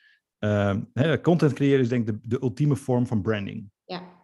Dus als je een merk wil bouwen of thought leadership wil ontwikkelen, stel je voor je zegt ik wil de nummer één zijn in, noem het maar wat, hè, business coach, laten we dat even aanhouden. Weet je, de enige goede manier om een brand te bouwen is laten zien wat je weet. Door content, en dat kan audio, video, tekst zijn. Maar dan is branding. Ja, ehm, duidelijk. Als je het hebt over community, uh, dan moet je denken aan uh, met name de wat grotere merken of overheden of mensen die een community onderhouden. En dan is de podcast is eigenlijk een, een manier om uh, mensen te verbinden met verhalen, zeg maar. Of een informatievoorziening. Hè? Dus het zou kunnen zijn, stel je voor je hebt fanatieke Lego-bouwers. En dan zou het kunnen zijn dat je de community bij elkaar krijgt om te luisteren naar verhalen over Lego. Of je doet het uh, om nou ja, uh, mensen te interviewen uit de Lego zien. Dus community gaat veel meer, niet, zit niet per se een verdienmodel aan, maar het is meer een groep mensen die met elkaar in contact willen blijven staan. Het kan wel samengaan, hè? Zeker. Want ik, ik ken voorbeelden namelijk, ben ik nu aan het bedenken, waarbij het zowel community is als branding als verdienmodel. Ja, nou sterker nog, ik denk dat, uh, dat uiteindelijk, als je succesvol wordt, heb je altijd een combinatie van die drie. Ja. Want de laatste verdienmodel kan natuurlijk een direct verdienmodel zijn, advertenties. Uh, we zien wel dat als je echt advertenties afspeelt in je content, dan, nou, dan raak je ook wel luisteraars kwijt die het irritant vinden. Of mensen spoelen gewoon door. Uh, sponsoren werken vaak wel goed, hè, de sponsorships, mede mogelijk gemaakt door.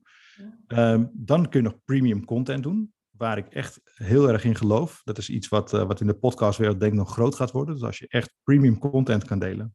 Ja, zou je dat ook willen toelichten alsjeblieft? Ja, dus wat je nu ziet is dat uh, onder andere Spotify uh, en Apple, die bieden al opties om premium content aan te bieden via een podcast. Hè? Dus dat je een betaalde podcast hebt. En waar ik heel erg in geloof is, nou ja, wat wij, jij en ik altijd doen, geef zo goed als alles gewoon gratis weg. Ja. Maar als je echt diepgang wil op een bepaald onderwerp, nou ja, dan zou je bijvoorbeeld kunnen zeggen, nou, wil je meer weten over Nico en Springcast en wil je nog een uur luisteren? Nou, hè, dan hebben we ook een aflevering die kost 1,99 euro en die kunnen we gebruiken om. Nou, dat, dat soort verdienmodellen, daar geloof ik steeds meer in. Uh, maar ik denk nog steeds, als je een goede niche hebt, dan uh, zou een sponsorship is over het algemeen het meest lucratief. Ja, ja. Is dat iets wat jullie, want dat is super interessant wat je nu zegt. Uh, ik weet dat Mirjam mij ook vaker getipt heeft op dat vlak. Mm-hmm. Um, als je het hebt over sponsorships, hè, is, dat, is dat iets um, waar je bijvoorbeeld voorbeelden van kan noemen van podcasts waarin jij dit succesvol ziet gebeuren in Nederland? Um, ja, er zijn, er zijn er genoeg. Wat je vooral ziet is natuurlijk dat uh, sponsorships in de, in de personal en finance hoek, is, die worden natuurlijk ja, altijd heel goed betaald. Hè. Dat zijn... Uh, uh, ik denk hoe specifieker je niche is, hoe beter je daar iemand bij zou kunnen zoeken. Dus stel je voor, uh, uh, met de podcast die wij hadden met Growth Minds, was mijn eigen persoonlijke podcast waar ik gestrand ben bij episode nummer drie, vanwege de drukte met Springcast. Ja. kijk, daar zou bijvoorbeeld een heel goed, een, hè, dat is echt voor ondernemers gemaakt, daar zou bijvoorbeeld een sponsor als Exact Online zou er bijvoorbeeld heel goed bij kunnen passen. Ja, oké. Okay. dus ze zijn er wel. Er zijn echt wel partijen die dat, die dat goed doen met, met sponsorships. Um... Zou je dan ook adviseren om, uh, als, als mensen dit horen, hè, ze hebben een podcast, willen een podcast starten en ze zouden uh, dit op deze manier willen doen, ook qua verdienmodel, zou je dan adviseren om zelf contact op te nemen met een bepaald bedrijf waar je mee zou willen samenwerken? Ik weet bijvoorbeeld in Amerika is dit zo groot, dit advertentiestuk. Daar worden gewoon grote podcasts gevonden, die worden gecontacteerd en nou ja, dan wordt vaak een deal gesloten die interessant is. In Nederland is dit over het algemeen, als je kijkt naar de, denk ik, de wereld waar wij in zitten nog niet echt mainstream. Nee, het is nog niet echt mainstream. En, uh, een goede podcast om bijvoorbeeld gewoon eens te bekijken die dat, die dat heel goed doet, is van, uh, van mijn compagnon uh, Jeroen Broekema. Mm. En hij heeft de podcast Leaders in Finance. Ja. En daarmee interviewt hij zeg maar, de leiders in de financiële wereld. En ja, hij heeft bijvoorbeeld een aantal sponsoren die gewoon voor inkomsten voor zijn podcast zorgen. Het is, niet, het is natuurlijk niet zijn hoofdmoot, maar dat, dat begint al een bedrijfje te worden. En dat is iets wat hij zelf heeft opgezocht? Of die hebben ja. hem gecontacteerd? Nou, kijk, dat, dat is een, een hele belangrijke, uh, denk ik, om te weten. Is, kijk, je kunt natuurlijk altijd uh, via Anchor bijvoorbeeld, kun je gewoon uploaden en dan spelen ze advertenties en dan doen zij, zeg maar, de adverteerders ja. werven. Ja. Alleen, dan krijg je vaak betaald per duizend luisteraars. En ja, dat loopt ergens tussen de 10 en de, nou, laat zeggen, 100 euro per duizend luisteraars. Ja. Nou, de gemiddelde podcast ja, die, die, komen, die komen op een paar duizend max per episode. Dus mm. hè, dan, dan kun je wel uitrekenen dat het niet heel lucratief is. Nee. Maar als je een sponsorship zelf binnenhaalt, dan hangt het dus heel erg af van hoe diep zit je in een doelgroep. Hoe moeilijk is die doelgroep te bereiken? Mm. Uh, en dan kun je toch al gauw rekenen op, nou ja, weet je, dan kun je misschien wel een paar duizend euro uh, voor een episode ophalen. Hè, de honderden zijn wel uh, meer mainstream hoor. Dus, mm. maar hoe beter je podcast wordt, hoe groter de bedragen. Alleen het zet sneller zo naar de dijk dan ja, betaald krijgen per duizend luisteraars. Ja, maar wat ik, wat ik dus merk, ik word wekelijks gecontacteerd via Instagram uh, voor, voor samenwerkingen, voor, via bedrijven die mij contacteren. Um, maar via, voor mijn, via mijn podcast, die veel groter is dan mijn Instagram-account, gebeurt dat niet. Nee, nee, klopt.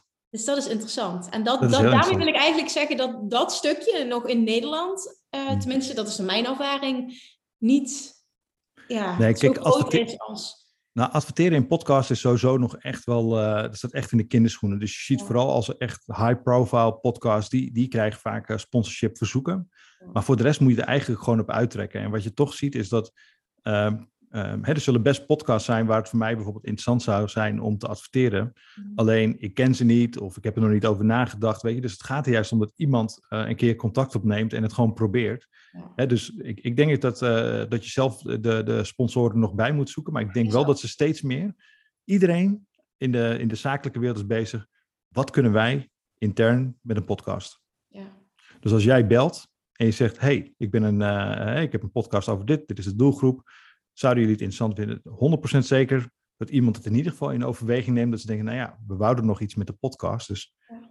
misschien is dit een mooie eerste stap. Ja, ja, nee, absoluut. Het is ook goed dat je dit even benoemt van, vanuit jouw ervaring ook. Maar ook dat je aangeeft van oké, het is inderdaad nog niet de normaalste zaak van de wereld om het adverteren te werken. Terwijl je ziet dat dat in Amerika wel zo is. Ik luister heel veel podcasts en heel veel zit ook vol met advertenties. Ik vind het vaak irritant, maar, maar toch, ze doen het wel. En ik weet ook dat er enorme verdiensten uitkomen. Dus op het moment dat jij uh, je podcast hebt als een van, van nou ja, de um, inkomstenstroom misschien wel, of waar je afhankelijk van bent qua marketing, kan het wel heel lucratief zijn op het moment dat je daar heel veel energie en tijd in stopt. Nou, en het grappige is, je hebt uh, de Tim Ferriss show. Daar, uh, iedereen die die show heeft geluisterd, die weet dat je de eerste zeven minuten moet skippen als je de advertenties niet wil horen. Maar wat, wat, wat... Zeven minuten? Ja, het is echt zeven minuten. Ik heb het gecheckt. Het is tussen de vijf en de zeven minuten. En hij doet ook tussen de vijf en zeven uh, uh, reclames voordat de, überhaupt de content begint. Um, maar wat hij heel goed doet, en dat vind ik echt briljant. Hij begint namelijk, bijvoorbeeld stel je voor dat hij heeft een of ander voedingssupplement. Mm. Hij introduceert het van dit is een voedingssupplement. Ik gebruik dit al uh, jaren. Meestal promoot hij ook alleen dingen die hij echt gebruikt. Ja, ja, ja. En hij geeft er een korte toelichting op waarom je dan zo'n fijn product vindt. En ik denk als je het zo persoonlijk maakt, dan is het A heel waardevol voor je luisteraar, maar ook voor je adverteerder, omdat mensen dan eerder geneigd zijn om het product uh, te kopen en te proberen, omdat jij als, nou ja, noem het maar even de influencer, wat het ook maar mag betekenen, um, meer toelichting geeft dan alleen van deze is mede mogelijk gemaakt door Exact Online. Want dan denk je, ja, leuk, zo'n pakket. Als je vertelt hoe het je leven makkelijk maakt. Absoluut. Ja. Maar heb jij dan niet zoiets? Kijk, jij, zeker als je een persoon heel erg mag, dan zul je je daar niet zo snel aan storen. Maar um, bijvoorbeeld, je moet ook niet met elke week dezelfde advertentie aankomen. Snap? Dat moet ook, uh, hè, zonder dat we nu te lang blijven hangen, ook bij dit hele adverteerstuk. Maar ik, ik merk dat ik dit ook heel interessant vind. Maar dat het, dat het wel een fine line is. Dus oké, hoe zorg ik ervoor dat het, dat, het, dat het mijn luisteraars niet op die manier gaat irriteren? En dat is hetzelfde als eh, continu, eh, dat heel veel ondernemers continu pitchen. Ja, dat irriteert mensen mateloos. Dat, ja, dat zeker. Meer luisteraar dan meer volgers. En daar moet je altijd een balans in vinden. Klopt. Ja, kijk, wat, wat ik zelf persoonlijk, maar goed, hè, ik ben natuurlijk maar één, maar wat de meeste mensen, dat blijkt ook wel uit verschillende onderzoeken, is uh, vooral um, uh, als een gesprek, met name als het een diepgaand gesprek is, wordt mhm. onderbroken voor een break dan zie je vaak dat mensen echt wel geïrriteerd raken. Kijk, als je een podcast van een, uh, weet ik wat, anderhalf uur hebt, dan is een break misschien juist wel lekker, want dan weet je precies waar je moet pauze moet zetten en dan kun je de volgende dag weer verder luisteren. Uh, maar ik, ik, de mid-roll, zo noemen ze dat, hè? je hebt vaak de pre-roll aan het begin, de mid-roll in het midden en de post-roll aan het eind. Dan zie je vaak dat de, de mid-roll wordt het minst gebruikt en die wordt ook het meest storend uh, door de luisteraars ervaren. Maar beginnen ermee. Um, over het algemeen moeten de mensen toch even inkomen, zeg maar, in je podcast. Nou, dan maar even met een advertentie, toch? Oké. Nou ja, goed om te horen dit. Oké. Nou ja, dat is goed dat je deze informatie deelt, want dat zijn dingen die... Ik heb me daar nooit in verdiept, dus het is waardevol. En, en ik geloof er ook oprecht in dat dit in Nederland ook meer... Um, ja, erbij gaat horen. En dat we uiteindelijk kunnen kiezen van willen we daar een mee, willen we er niet een mee. Het is denk ik ook in verhouding, hè, wat, wat, wat levert het me op? Want op het moment hm. dat het heel irritant wordt ervaren en het levert je een paar honderd euro op, is het voor veel mensen denk ik niet interessant. Dus, ja. ja klopt. Nou, en, en dan komt uiteindelijk de, even de, de kerst op de taart van verdienmodellen. Ja. Is uiteindelijk het indirecte verdienmodel. Dus je personal brand, hè, verzilver je vaak door een dienst die je levert. Ja. En ik, ik, ongetwijfeld heb jij dit ook meegemaakt met jouw following dat de eerste keer dat iemand zegt, ik volg je al zo lang, het is echt alsof ik je al jaren ken.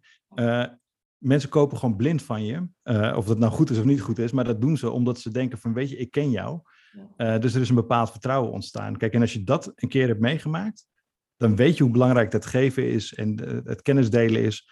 Maar dan weet je dus ook dat het echte verdienmodel van je podcast zit niet in de podcast in, in advertentieinkomsten, die zit hem in je personal brand. Exact. Ja. ja, en dan komen al die drie samen waarvan jij ook zei, ik, ik geloof erin dat als je een succesvolle business hebt, dat je alle drie hebt. En daar ben ik het mee eens. Precies. Ja, ja. oké, dankjewel voor, dit, uh, ja, voor deze toelichting. Oké, verder. Ja, en verder, uh, uh, nou, dus, dus als je dat even in je achterhoofd houdt, dat we voor die doelgroepen ons product nu aan het bouwen zijn, uh, zijn we ook bezig met een aantal uh, grote updates die eraan zitten te komen. En ik zei het al in het begin van de show uh, tegen je van, ik heb waarschijnlijk wel een mooi primeurtje voor je. dus bij deze. Nee. Ja, want ik vroeg ernaar inderdaad. Toen zei hij, laten we dit bewaren voor de podcast. Dus ik ben ook heel benieuwd wat er nu gaat komen. ja, ja kijk, weet je, als het gaat om branding, dan weten we allemaal dat het opnemen van de podcast is één, hè, met een goede inhoud, leuke gasten of leuke verhalen. Uh, maar twee is natuurlijk uh, promotie en distributie. En, en dat hebben wij natuurlijk ook wel gezien dat dat best wel voor veel mensen een uitdaging is om nou ja, goede content te maken, ook voor, uh, voor social media enzovoorts. en een van de dingen die natuurlijk heel gaaf is om te doen, is als je een aflevering hebt. Hè, jij zei al van, oh, dit stukje moet ik even framen. Ja. Nou, die functie, die gaan we bouwen. Dus dat je zo meteen zegt van, ik pak een stukje audio uit die episode. Dat meen je niet. Ja, en dan maken we een video van en die kun je dan delen op LinkedIn of op, op Instagram. Dus dat maakt de workflow makkelijker om gelijk content te maken die je kan delen op de socials. Ja. Oh, Oké, okay. dit is iets wat wij nog niet hadden besproken de vorige keer. Dit wist ik niet. Nee, ik zei toch primeurs. Echt een oh, primeur. Ik heb nog niemand. Ik dacht dat het iets was wat ik vind. Oh, wauw. Ja, dat is oh, toch. Wat tof. En ja. zou je iets meer kunnen vertellen over hoe dit eruit ziet? Want, want, want als je puur alleen een audiobestand hebt, hè, hm. Hoe, kun je daar, wat, hoe zie je dat voor je? Hoe, hoe wordt daar uh, op een makkelijke manier een video van gemaakt, bijvoorbeeld? Nou, dus wat je, wat je in eerste instantie, kijk, we gaan natuurlijk die module, we weten hoe belangrijk die is. Dus die, de, de eerste versie is natuurlijk wat minder uitgebreid dan de uitgebreide versie die ja. je later gaat volgen. Maar hm. wat je nu zo meteen kan doen, is je pakt zo meteen die minuut waarin ik uh, uh, mijn, uh, mijn verhaal deed, waarvan jij zei, deze moet ik framen. Ja. Dan kun je op die tijdlijn, kun je gewoon met een balkje slepen van, nou, dit wil ik graag in die video hebben. Nou, vervolgens kun je daar een achtergrond bij kiezen. Dat kan een, een, kleur zijn, of dat kan een foto zijn, of je artwork van je podcast. En daaroverheen komt zo'n, nou ja, je weet wel, zo'n audio. Een soundbalk. Precies. Oh, daar ben ik naar op zoek. Naar, de, oh, daar ben ik al zo lang naar op zoek, want er, er, is wel wat, maar het functioneert allemaal niet zo lekker. Nee, nee, exact. Oh, dus dat, dat is wat we nu uh, aan het, uh, aan het uh, bouwen zijn. En eigenlijk is het al klaar, maar we gaan het nog testen en, en dat soort zaken. Maar dat, dat komt op hele korte termijn, gaan we dat lanceren. Toevallig uh, ook niet met iets met ondertiteling. Nu vraag ik heel veel. Nee, je komt wel aardig in de buurt. Dus uh, een van de andere uh, dingen die bij ons op hele korte termijn gaat gebeuren, is een, een, tool waarmee je automatisch transcripties kan maken. En die kan je waarschijnlijk, maar we moeten nog even kijken hoe we dat gaan bouwen. Dus zo eerlijk ben ik dan ook. Dat moeten we nog allemaal uitzoeken.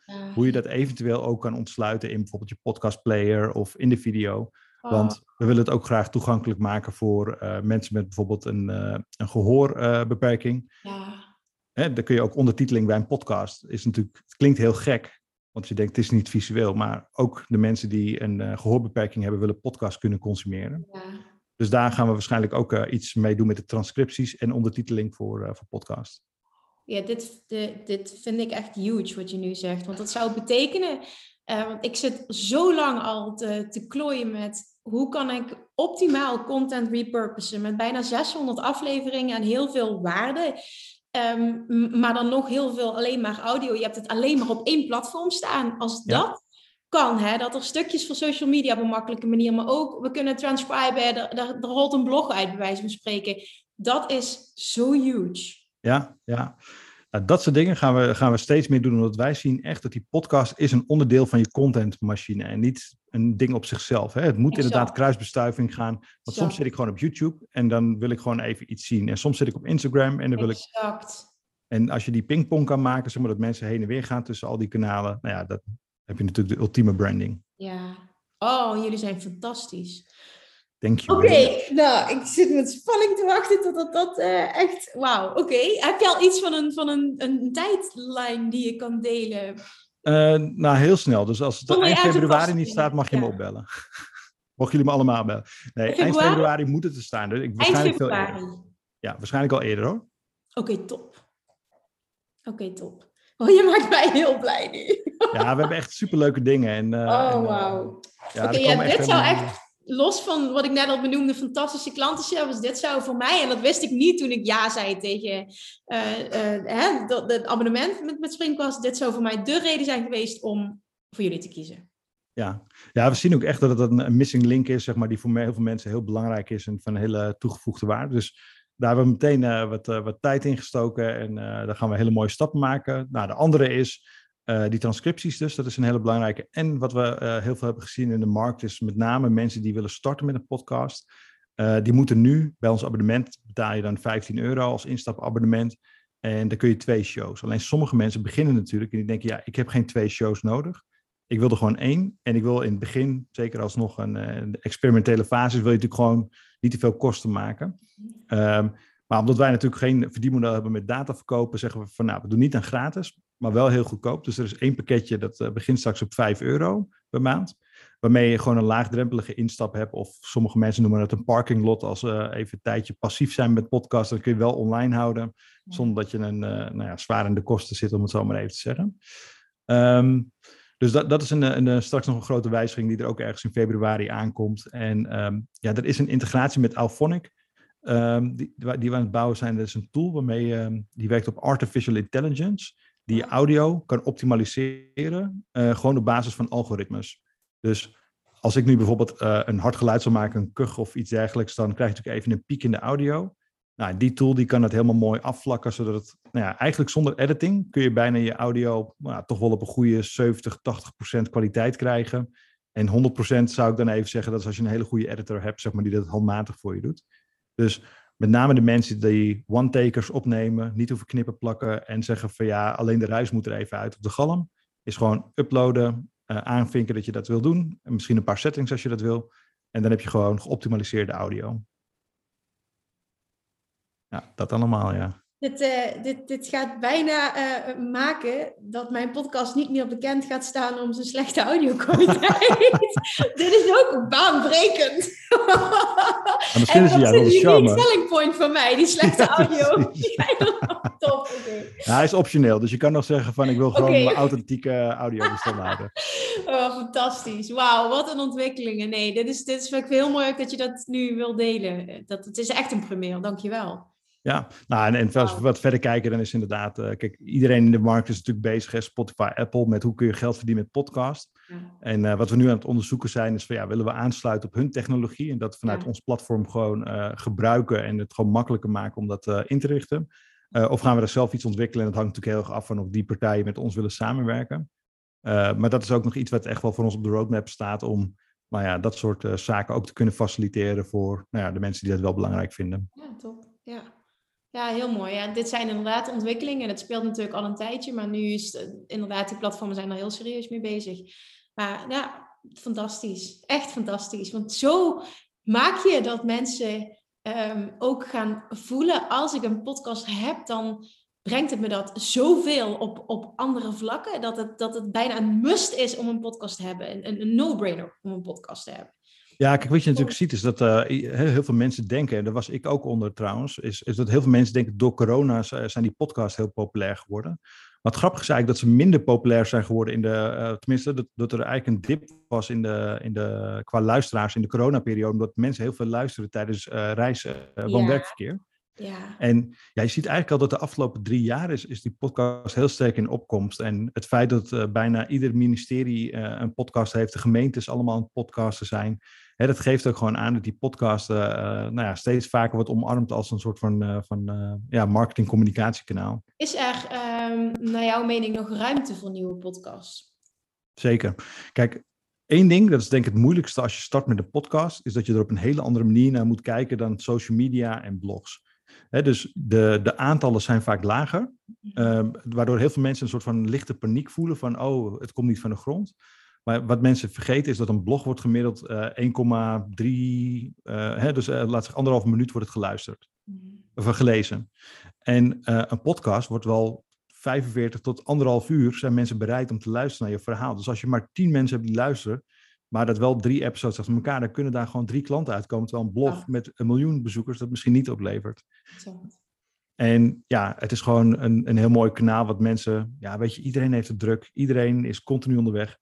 En die podcast die luister je in de auto, in de trein, op de fiets, tijdens het wandelen, uh, tijdens uh, het grasmaaien doe ik vaak. Of weet je, dus daarom is die podcast zo populair. Want we hebben het druk en niemand heeft meer tijd om de hele om anderhalf uur achter een scherm zitten. Ja, ik doe het bijna niet meer om iets te consumeren. Nee, maar dit wat jij zegt, dat, daar gaat het wel om. Dat je zo de diepte in kan gaan en dat mensen, uh, ook al combineren ze het met iets anders, nog steeds alleen maar jou eigenlijk in hun oren hebben, waardoor je wel één op één eigenlijk met zo'n persoon bent. Zo voelt het. Dat dat maakt, en daar is ook een onderzoek naar gedaan, dat weet ik toevallig uit Amerika, dat um, daar uiteindelijk vaak ook de best betalende uh, klanten uitkomen. Dat het en vaak is dat het publiek dat podcast luistert um, een hoger inkomen heeft. Daar hebben ze onderzoek naar gedaan. Plus vervolgens ook dat uh, juist hele trouwe podcastluisteraars de kans veel groter is dat zij uiteindelijk klant worden dan enkel volgers op social media die content vlug vlug uh, ja. consumeren. Ja. ja, dus ik zeg ook heel vaak als mensen vragen van ja, waar, waar, hoe, hoe moet ik het dan in perspectief plaatsen als ik 100 luisteraars heb? En ik zeg, nou weet je, de beste is voor de mensen die dat wel eens hebben gedaan, is het vergelijk het met een webinar. Hè? Want dat, dat is een beetje uh, wat je kunt vergelijken qua tijdsduur, qua opkomst. Ja. Uh, en vergelijk het bijvoorbeeld met een zaaltje waar mensen naartoe komen om een uur naar je te luisteren op een stoeltje. Want dat is feitelijk wat er gebeurt. Dus mensen gaan een uur of drie kwartier of hoe lang die ook maar is, naar je luisteren. Dus als je daarmee vergelijkt, dan zijn, stel dan maar eens 500 luisteraars voor je. Dat is een behoorlijke zaal, zeg maar. Ja, dat vind ik een hele mooie. En zeker als je dat wekelijks kan doen, of twee, hè, twee keer per week zelfs, wat veel mensen doen. Hè, dat je twee keer per week een, een presentatie van een, van, een, van, een, nou ja, van een uur staat te geven, van een half uur, van een kwartier. Het maakt uiteindelijk niet uit. Maar die undivided attention van, van, al zijn het tien mensen, wie moet ergens beginnen?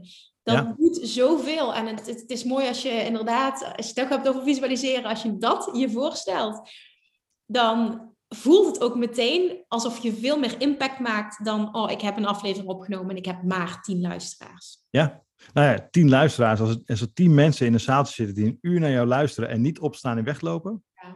Nou, dat, is voor mij, dat zou voor mij al een succes zijn. Daar zou ik voorop komen draven. Same, ja. Mooi dat je dit zegt, ja. Dus dat betekent wel dat jij dus nu de, deze kant uh, bent opgegaan en dat je de coachingskant ook helemaal niet mist. Je hebt wel echt op dit moment je ding gevonden. Ja, ja, ja, ja. ik heb nog een aantal uh, oud-klanten. Ik neem geen nieuwe klanten meer aan qua coaching. ik heb nog, uh, ja, nog een, een enkeling hoor. Want ik, uh, ik probeer natuurlijk ook voor sommige mensen een transitie in, in te gaan. Zeg maar, die we natuurlijk goed begeleiden. En niet halverwege zeggen, zoek het nu maar uit. Dus, dus dat is een soort van regeling waar ik gewoon mensen nog even blijf helpen zolang het nodig is. Maar inderdaad, full pool op, op Springcast. Want we gaan ook Europees. Dus ja, dat vraagt ook weer een hoop van mezelf. Ja, nou het, het leuke echt, is ook wat jij zei net, fun en avontuur. Maar dat ja. is wat je op deze manier wel jezelf kan bieden. Ja, nou weet je, kijk heel eerlijk, af en toe is het echt super scary, hè? want ik ga nu iets doen wat ik nooit heb gedaan. Ik heb nooit een bedrijf in Europa gebouwd en helemaal niet een, een product in Europa in de markt gezet. Ja. En ik merk ook gewoon, ja, er zijn soms echt uh, nachten dat ik denk van, nou weet je, ik wil nu die break wel even hebben. Uh, maar ja, dit, dit, is gewoon het avontuur wat ik wilde. En uh, ja, als je er middenin zit, dan, dan is het echt mega zwaar dat iedere ondernemer die iets heeft gebouwd, die weet hoe dat voelt. Ja. Maar je weet ook, de reward aan het eind, zeg maar, is, is onbetaalbaar. Ja. Dus, dus dat is leuk. Ik, ik wilde buiten mijn comfortzone en nou, ik kan je vertellen, dat is inmiddels zo. hoe voelt dat? Hoe, hoe, hoe, hoe deal jij daarmee? Want je hebt dus die, ja, die zweethandjes, die heb je af en toe Ja, wel. zeker. Zeker heb ik die. Nou, kijk, weet je, kijk, het, het belangrijkste is, is uh, wat je natuurlijk leert als ondernemer, is dat uh, als, je, als je wat verder op bent, zeg maar, is dat je weet dat soms hoef je de oplossing nog niet te zien om te weten dat die uiteindelijk, dat het toch goed gaat komen. Dus dat vertrouwen heb ik natuurlijk door mijn ervaringen wel opgebouwd van, ja, weet je, uh, als je de werkelijke risico's, zeker in Nederland waar zoveel vangnetten zijn en oplossingen en, en, mensen die je kunnen helpen, ja, dan weet je gewoon, ja, het ergste wat je kan gebeuren is dat het niet lukt. Ja, als je niet start, dan is het sowieso niet gelukt. Dus uh, zo probeer ik het te relativeren, maar als je er middenin zit, nou echt, ik, uiteraard heb ik ook af en toe mijn hoofdpijn dagen dat ik echt denk van, oh, wat ben ik aan begonnen? Maar ik, hè, de andere kant is ook van, hè, we hebben uh, deze maand is onze beste maand qua groei ooit, weet je wel, en we hebben een mooi team, dus nou weet je, dat is het, ups en downs, maar in die end is het het allemaal waard. Ja.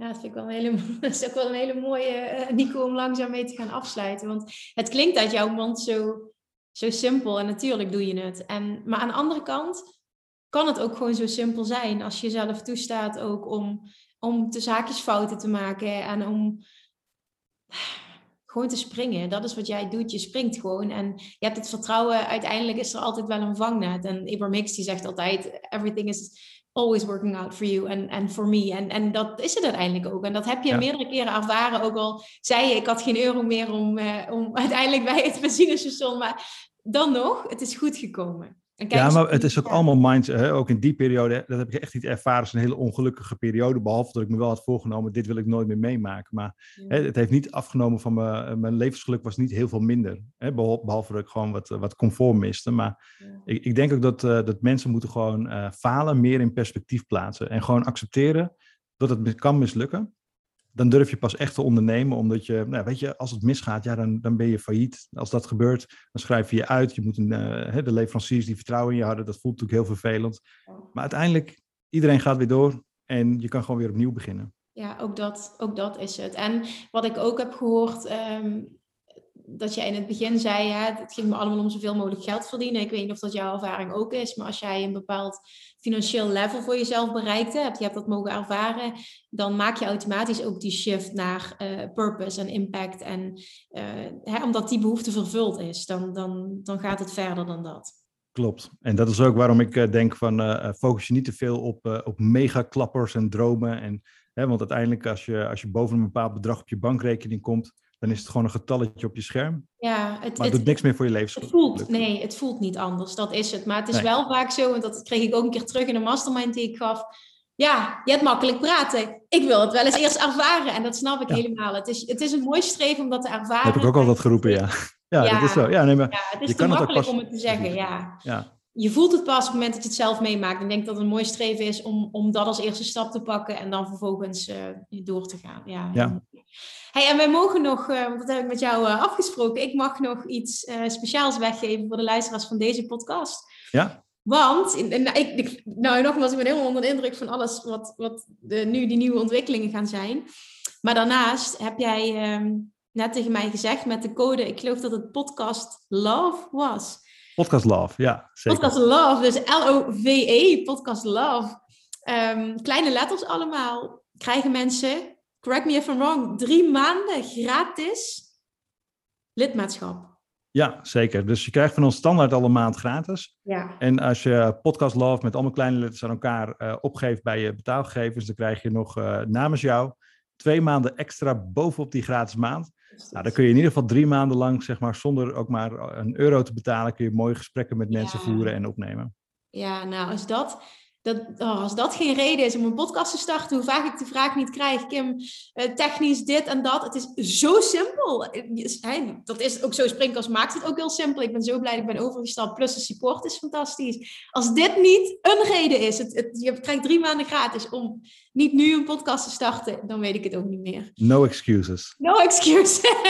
Vooral ook omdat wij uh, toch wel, denk ik, uh, beide uit ervaring kunnen delen. Jij natuurlijk, omdat je zoveel... Ehm, uh, ja, mensen ook mag begeleiden op dat vlak. Wat een podcast voor je business kan doen. Voor mij is het mijn nummer één lead driver. Mijn nummer één inkomstenbron. Ja, ja dat is ook echt een bijzonder, uh, bijzonder verhaal. Maar je ziet ook, jouw podcast doet het echt enorm goed. Ja, je bent voor, van de, Nederlandse begrippen dan wel. Voor hè? Nederlandse begrippen ben je echt een, uh, een, een hotshot in onze wereld hoor. Ik, uh, ja. dat klinkt wel heel ruig. Jij, jij, jij, zit gewoon in onze top 10 uh, podcasters. Dus dat geeft wel aan, zeg maar, hoe, hoe goed jouw oh, podcast draait. Dus ja, zeker. Dat, niet. dat is heel tof om te horen ook. Okay. Ja. Nou jongens, je hoort het. Just start before you're ready. Zo ben ik ook ooit begonnen. En dan zit je zomaar ineens in de top 10 van Springcast. Ja. Nico, is er iets wat ik niet gevraagd heb, waar we het niet over hebben gehad, wat jij wel had willen delen met de luisteraars? Nee, volgens mij is dit echt, echt een mooi gesprek uh, geworden. Ik, uh, ik heb in ieder geval met heel veel plezier met je gevoerd leuk. Ja, ja wederzijds. Ik, ik vind jouw reis, die vond ik al, maar we zijn nog meer de diepte gegaan. Dus ook ik ben meer te weten gekomen. Ook dankjewel voor die drie boekentips. Ik denk dat mensen daar ook heel veel aan hebben, ondernemers. Dus we gaan dit doen. Mensen gaan nu een abonnement afsluiten. Podcast Love. Ze gaan naar www.springkast.fm. Ja. Dan maak je, het is allemaal heel simpel. Het wijst zich vanzelf. Je kunt daar een, um, kun je mensen heel even er doorheen uh, loodsen Heel Zeker. Wat, hoe gaat Ja, je, het? gaat gewoon, eh, je gaat gewoon naar springcast.fm. Je kunt daar gewoon eh, klikken op een van de, de pakketjes die je wil proberen. Ja. Eh, de nieuwe prijzen zijn, ik denk over een week of twee, drie zijn die sowieso live. Maar als je daarop wacht, dat hoeft niet. Je kunt later eventueel ook gewoon switchen naar de nieuwe pricing. Dus laat je er zeker niet door tegenhouden, hè, want we zaten in de flow van no excuses. Dus de nieuwe pricing kun je ook nog gewoon naar switchen. Gewoon een accountje aanmaken. Dan kun je gewoon 30 dagen beginnen. En tegen die tijd dat die maand voorbij is, dan vragen we om je betaalgevers op te geven. Als je verder wil gaan met Springcast, we verlengen niet automatisch. Dus je hoeft ook niet bang te zijn dat er ineens wordt afgeschreven. Eh, en aan het eind van de maand, dan kun je dan de podcast love opgeven. En dan eh, krijg je gewoon eh, nog twee maanden extra gratis. En dan kun je zonder enige euro te betalen nog bouwen aan je brand of Oké, dus aan het einde van maand, zeg maar, kunnen ze die code opgeven. Zo Ja, je kunt, je kunt het meteen doen. Dat zou ik ook doen, want dan hoef je het niet te onthouden. Oké. Want eh, het maakt namelijk, het is niet zo dat je eh, anders, je- als je betaalgegevens opgeeft, dat die eerder wordt gestopt. Oké. Of dat we eerder gaan afschrijven. Het is gewoon, na drie maanden komt pas de eerste afschrijving. Oké. Ja, eigenlijk pas in maand vier. Ja, oké, duidelijk. Nou jongens, geen reden meer om het niet te doen. Je start vandaag je podcast. Nico, ben jij actief op een social media kanaal? Want ik wilde zeggen, tag Nico en mij. Maar ik weet niet of Ja, jij ja. nou op Nou, LinkedIn ben ik heel actief. Op, eh, Ja. op Instagram heb ik wel een account en dat is een beetje een soort van, nou ja, ik deel er vooral mijn vakantiekiekjes. Oké. Hij is openbaar, je mag er kijken. Er staan een heleboel rare foto's op van, eh, van wij met slecht weer en zo. Maar LinkedIn is mijn zakelijke communicatiekanaal. Oké, nou als je ook op LinkedIn zit, dan, dan tag Nico even dat je een podcast bent begonnen. Ik zou het super tof vinden om het op Instagram te horen wie er naar aanleiding van deze podcast begint. Hè, want daar, dat is de eerste stap, beginnen. En als je niet weet waar je over moet praten, dan is mijn advies, start gewoon met praten. En zie wat er komt. Ik ben ook niet te bang, ik moet alles perfect voorbereiden. Ik mag geen uh zeggen. Nico gaat van alles ontwikkelen, waardoor er alle qua audio... dat is onzin, hè, trouwens. wat Nee, maar dit is wel echt, echt wat jij nu zegt. You, practice what you preach. Hè? Want ik bedoel, jij zegt altijd van ik sta bekend om mijn. En ik weet het, iemand heeft mij ooit jouw podcast doorgegeven. Die zei: Wat vind je van deze kwaliteit? Vind je dat oké? Ik zei: Vind jij het oké? Toen zei ze: Nou, ik vind gewoon de energie het belangrijkste. Dus inderdaad, niet te veel eh, moeilijk doen over techniek of een dure microfoon. Start. Nee, nee, that's it. Hey, weet je wat het met microfoons is? Ik zou best wel zo'n zo'n zo'n fantastisch ding willen wat jij nu hebt. Want ik vind het zo professioneel uitzien, maar er is zoveel keus. Ik weet niet wat ik moet kopen. Nee, nee. Dat is nee daar moet je in ieder geval geen tijd over verliezen. Maar mocht je dat eh, echt willen weten, dan, eh, dan staan er heel veel Ja, oké, goed. Daar hebben wij nog wel persoonlijk over gedaan. Alright, ik ga afronden. Nico, ontzettend bedankt voor je tijd, voor je energie, Thanks, jij En er gaan heel veel nieuwe podcasts bij komen. Ik hoop het. Leuk. Het gaat gewoon gebeuren. Geloof ik ook. Oké, dankjewel voor het luisteren iedereen. En tot de volgende keer. Doei doei. Lievertjes, dankjewel weer voor het luisteren. Nou, mocht je deze aflevering interessant hebben gevonden, dan alsjeblieft maak even een screenshot en tag me op Instagram. Of in je stories, of gewoon in je feed. Daarmee inspireer je anderen en ik vind het zo ontzettend leuk om te zien wie er luistert. En nog één dingetje. Voor alle gratis content die ik aanbied, zou je alsjeblieft één dingetje terug willen doen. En dat is, ga naar iTunes, zoek de podcast op, scroll even naar beneden en laat een korte review achter. Hoeveel meer reviews namelijk, hoeveel beter de podcast gevonden wordt in iTunes en hoeveel meer mensen ik kan bereiken met mijn boodschap. Super, super dankjewel alvast en tot de volgende keer!